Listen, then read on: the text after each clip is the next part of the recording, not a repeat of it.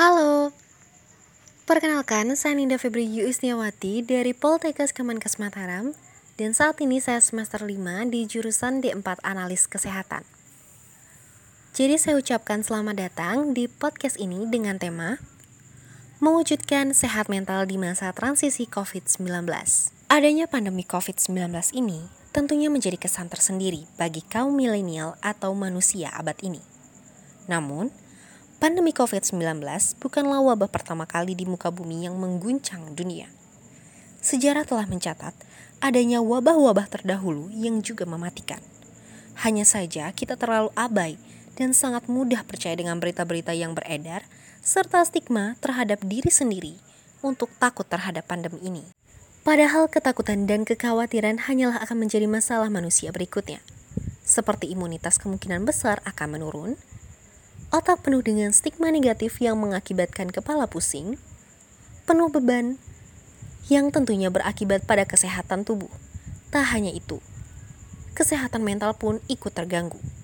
Hal tersebut berpengaruh terhadap semua lapisan masyarakat yang turut merasakan adanya pandemi ini. Akhir-akhir ini, tanpa disadari, begitu banyak keluhan mengenai kesehatan mental. Bahkan berdasarkan survei yang dilakukan oleh Kaiser Family Foundation – sebuah organisasi yang berfokus pada masalah kesehatan global serta peran Amerika Serikat dalam kebijakan kesehatan global, menunjukkan bahwa hampir setengah dari orang-orang di Amerika Serikat merasakan krisis COVID-19 yang mana merusak kesehatan mental mereka. Terkait dengan keluhan dan berbagai persoalan kesehatan, Tentunya, kita sudah familiar dengan berbagai upaya pencegahan, penyebaran, dan penanggulangan COVID-19. Baik dari siaran media televisi, media sosial, atau platform lainnya, bahkan video-video beredar terkait cuci tangan yang baik dan benar, cara memakai atau menggunakan masker, bahkan pembuatan hand sanitizer alami. Namun, terlepas dari semua itu, kita kurang memperhatikan sisi mental kita. Dengan anjuran isolasi, self-quarantine, ataupun hashtag di rumah aja.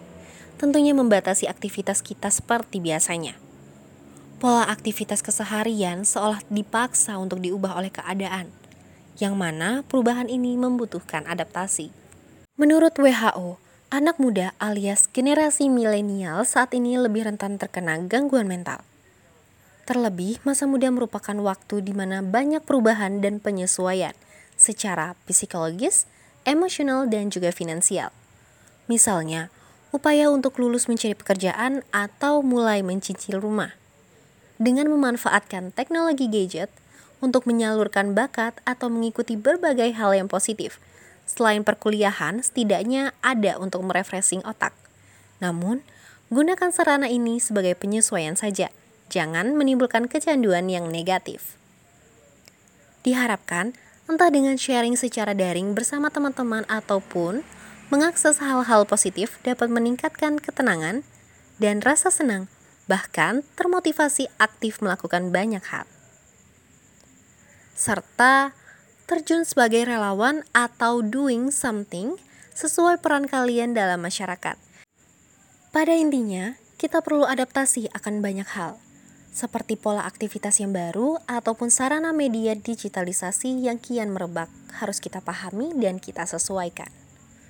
Namun, kita jangan sampai abai dengan kodrat kita sebagai manusia yang memiliki kecerdasan dan akal budi sehingga mampu membedakan dari makhluk lainnya. Waspada perlu, tapi jangan takut yang berlebihan. Hidup akan terus berlanjut sampai entah kapan wabah COVID-19 ini tidak rentan terhadap manusia. Jadi beraktivitaslah sewajarnya namun tetap mempertimbangkan kesehatan fisik dan mental kita. Saya rasa itu aja dari saya. Sampai jumpa di podcast kita selanjutnya. See you.